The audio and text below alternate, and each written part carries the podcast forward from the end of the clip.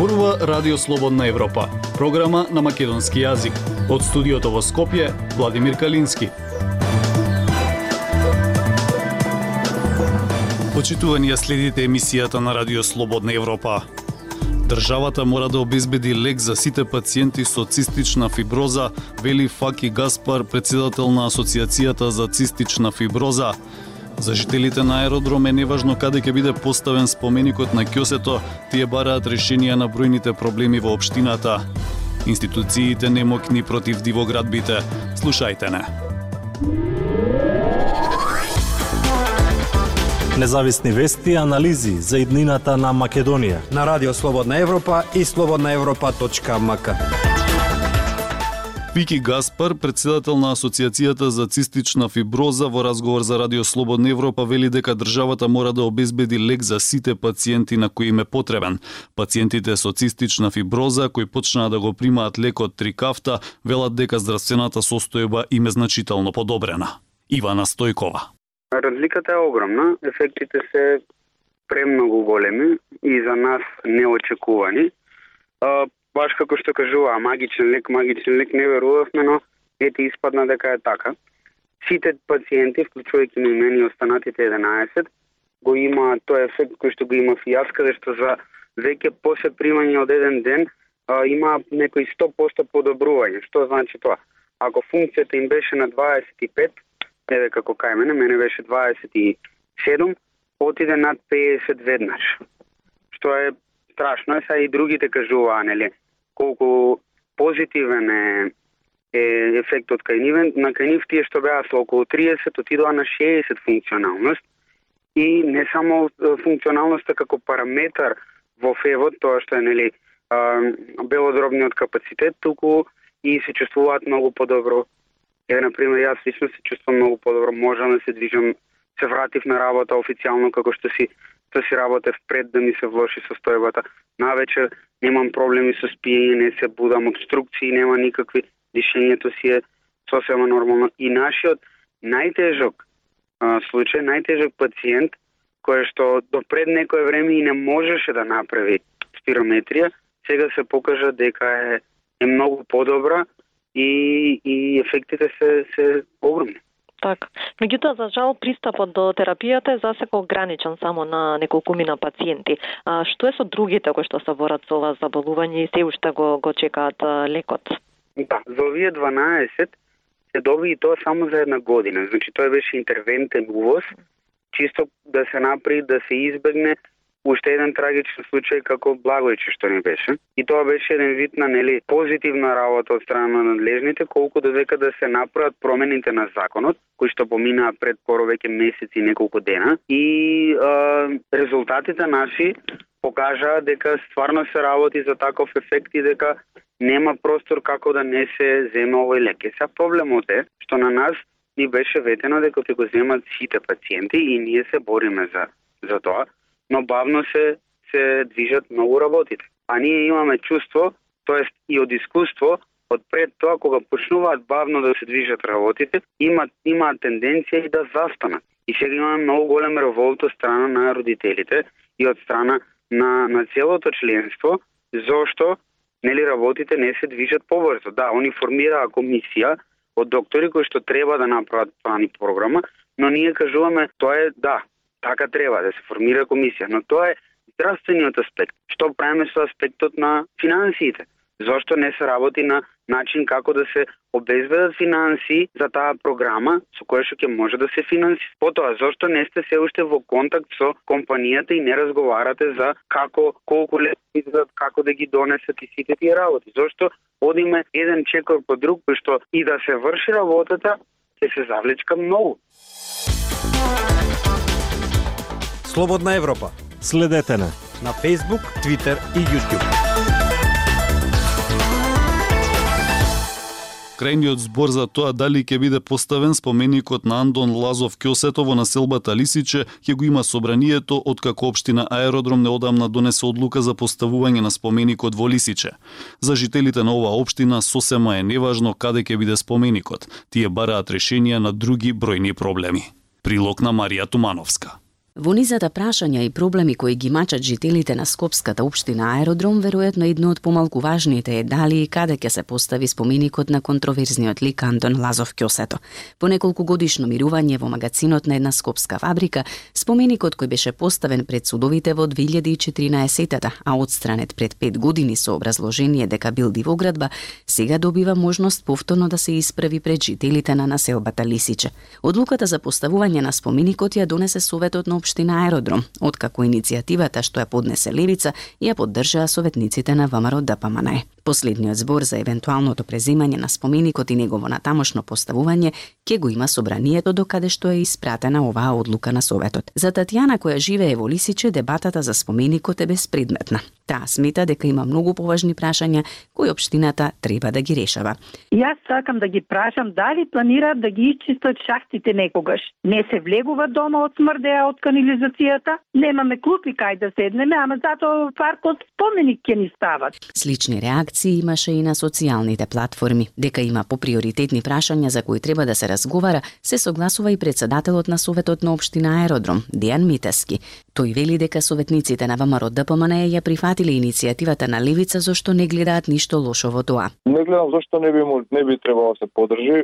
Конкретно станува за споменик кој што е направен, односно е тониран на градот Скопје, веќе постои како таков. На аеродром не би имало финансиски трошоци импликации за поставување на споменикот, имајќи пред дека општината нема директна надлежност за поставување на споменици од национално значење, туку исто го прави собранието. Во целата дебата за споменикот и местото каде да биде поставен, граѓанските активисти препознаваат политички наети и одмерување на силите меѓу партиите. Се работи чисто за мерење на политички сили, односно во пресрет на избори до година, централно ниво и така натаму. Докажување на сила, еве, вие ништо не направите со Скопје 2014, мислејќи на влада. Дури едниот што го трнавте, ние ви го враќаме назад. Вели граѓанскиот активист и историчар на уметноста Никола Писарев.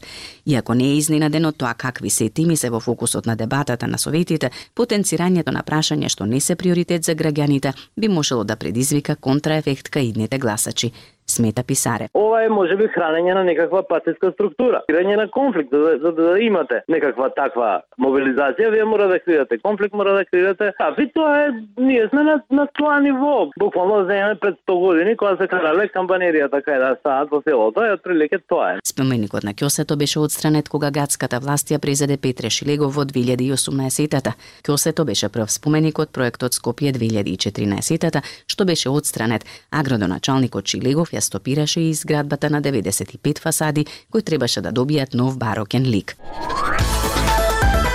Радио Слободна Европа, светот на Македонија.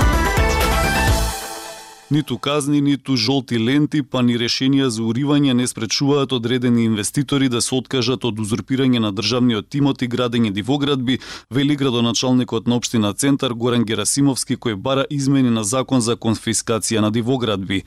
Архитектите велат дека овој предлог ја покажува немоќта на институциите да ги спроведуваат веќе постоечките закони. Зорана Гаджовска Спасовска. Градењето на диво не запира во речи се сите општини во државата, но уривањето на дивоградбите по донесени решенија речиси се и не се спроведува. Тоа е поводот за иницијативата на градоначалникот на Скопската општина Центар Горан Герасимовски да се дозволи конфискација на нелегално изградени објекти. Тоа веќе било дозволено до 2009 година кога го укинал тој член од законот Уставниот суд. Градоначалникот Герасимовски предложи до ЗЕЛС идено решение за измена на законот за бесправно изградени објекти и законот за управување со конфискуван имот со цел олеснување на процедура и конфискација на место уривање на веќе изградени објекти на узурпиран државен имот. Герасимовски во интервју за Радио Слободна Европа кој в целоски се емитува в недела признава дека имаат проблем да се справат со инвеститорите кои градат на диво. Се соочуваме со проблем со одредени диво градби кои што се градат на државно земјиште во зелен појас, иако е постапено целосно односно од наша страна како општина поставени жолти ленти, пишани казни за одстранување и рушење на диво изграден објект, се соочуваме со огромни финансиски средства кои што треба да ги искористиме за негово отстранување. Герасимовски најавува дека иницијативата за конфискација место уривање на дивоградбите ќе ја презентира и пред ресорните министри за транспорт и врски и за правда Благој Бочварски и Кренар Лога. Во стручната јавност различно се толкува иницијативата. Архитектката и планер Даница Павловска Циги вели дека самата тема дивоградби е сериозен комплексен проблем кој е незамисливо да се реши само со механизам конфискација без посериозен системски пристап. Затоа го смета ова решение за популистичко и безполезно решение кое нема да донесе резултати.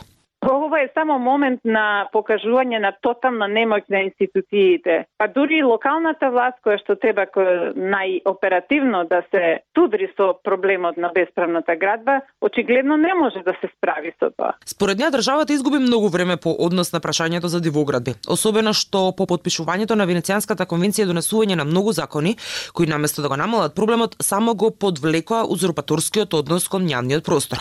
Дополнително, во кривичниот законник веќе постои член со кој се предвидени сериозни казни за инвеститори во судски процедури. Тој што гради или изведува градба или врши надзор над градба на собствено или туѓо земјиште без одобрение за градење или спротивно на одобрението за градење издадено од надлежен орган ќе се казни со 3 години затвор. Изградените недвижности се одземаат. Се вели во членот од кривичниот законник. Но Герасимовски вели дека судските процедури се премногу бавни, па затоа бара алтернативни решенија кои би биле попрагматични за општина општината и граѓаните. Герасимовски ја поднесува оваа иницијатива во период кога медиумите речиси секојдневно изастуваат и алармираат за некоја нова дивоградба која што никнува на падините на водно и во најатрактивните делови на градот, каде и покрај апелите да се сопре градежната инвазија, багерите и натаму продолжуваат да копаат. Актуелности свет на Радио Слободна Европа. Украинските сили наоѓаат кинески компоненти во руското оружје во услови на западни санкции, изјави високиот советник на председателот Зеленски. Кина негира дека испратила воена опрема во Русија, наведувајќи ја нормалната трговска соработка. Украинските сили наоѓаат се поголем број компоненти од Кина во руското оружје што се користи во Украина, изјави за Reuters висок советник од кабинетот на председателот Володимир Зеленски, додека за лихите од Западот се притиснати поради санкциите. Продолжуваме да наоѓаме разновидна електроника во оружјето извлечено од бојното поле, рече Владислав Власиук, кој го советува началникот на кабинетот на председателот за политиката на санкции. Трендот сега е дека има помалку компоненти од западното производство, но повеќе не е тешко да се погоди која земја ги направила компонентите, се разбира Кина, рече Власиук. Кина постојано негираше дека испраќала воена опрема во Русија од почетокот на инвазијата врз Украина во февруари 2022 година. Нападот предизвика санкции од Западот, вклучително испраќање на воена технологија за двојна употреба, како што се микрочипови кои може да се користат во обични уреди или оружје.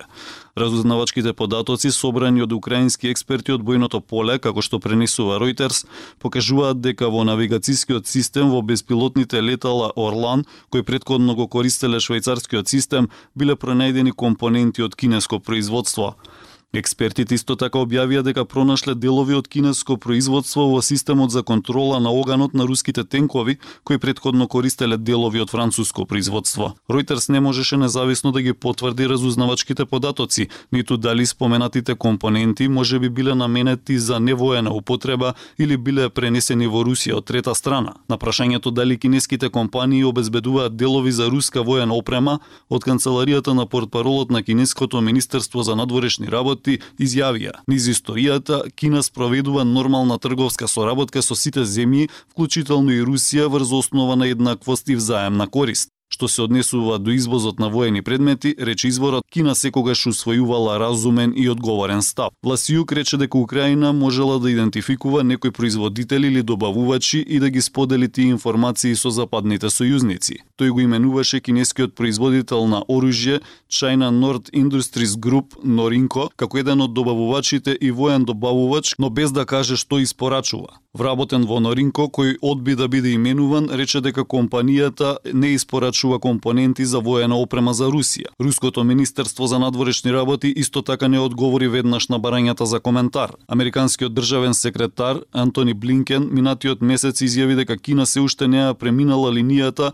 за снабдување на Русија со смртоносна помош. Сепак американските власти внимателно го следат развојот на настаните и се особено загрижени за така наречените производи за двојна употреба како што е електрониката што може да се користи, на пример, или во микробранови печки или во ракети. Почитувани слушатели, тоа е се што ви подготвивме во оваа емисија. Од студиото во Скопје ве поздравуваат Владимир Калински и Дејан Балаловски.